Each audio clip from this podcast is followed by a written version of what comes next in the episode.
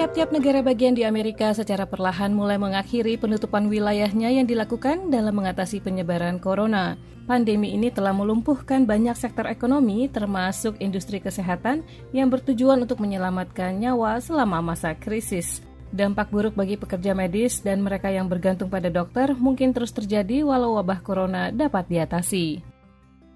Dr. Mike Wilson sedang berada di rumahnya di Texas dan menjalankan perannya sebagai seorang ayah bagi ketujuh anaknya. Jauh berbeda dari bulan lalu ketika ia masih menjabat sebagai direktur medis di kota New York. Pada bulan April lalu ia sempat berbicara kepada VOA di saat tengah bekerja lima minggu berturut-turut setiap hari tanpa libur, 14 jam setiap hari. Ketika jumlah kasus corona menurun di New York, Dr. Wilson kembali ke rumah sakit di Texas dan mendapati dirinya kehilangan pekerjaan. Melalui aplikasi Zoom, Dr. Wilson mengatakan, Tidak banyak pasien yang datang ke rumah sakit, jadi mereka tidak membutuhkan staf. Jadi banyak perawat dan dokter di seluruh Amerika telah diberhentikan atau diliburkan tanpa gaji. Ketika pandemi virus corona memuncak pada bulan April, sektor kesehatan swasta di Amerika mem-PHK 1,4 juta pekerjanya. Berikut ini penjelasan mengapa hal itu dapat terjadi.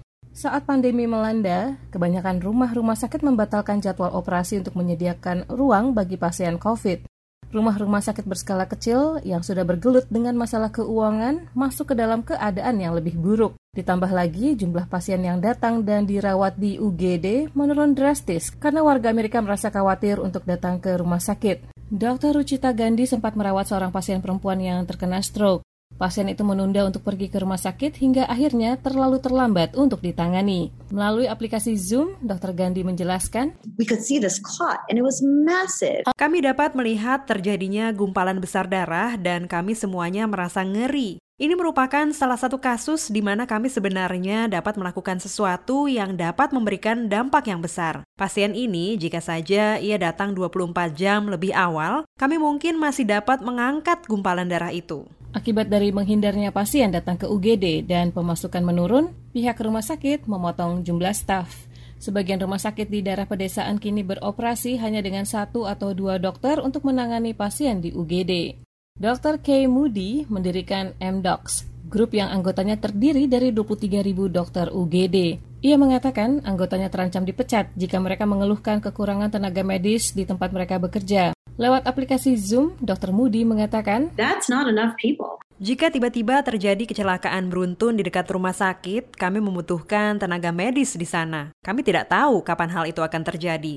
Kami tidak tahu kapan keadaan darurat akan terjadi. Jadi, kami harus selalu siap.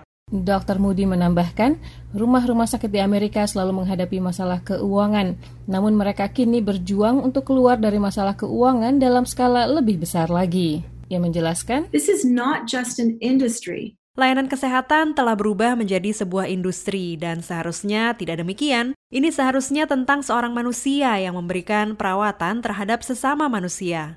Dana bantuan pemerintah Amerika sebesar 2 triliun dolar untuk memerangi virus corona yang disetujui pada bulan Maret oleh Kongres Amerika menyediakan sekitar 100 miliar dolar bagi rumah-rumah sakit untuk menutupi kerugian yang dialaminya. Lea Johannes, VOA, Washington.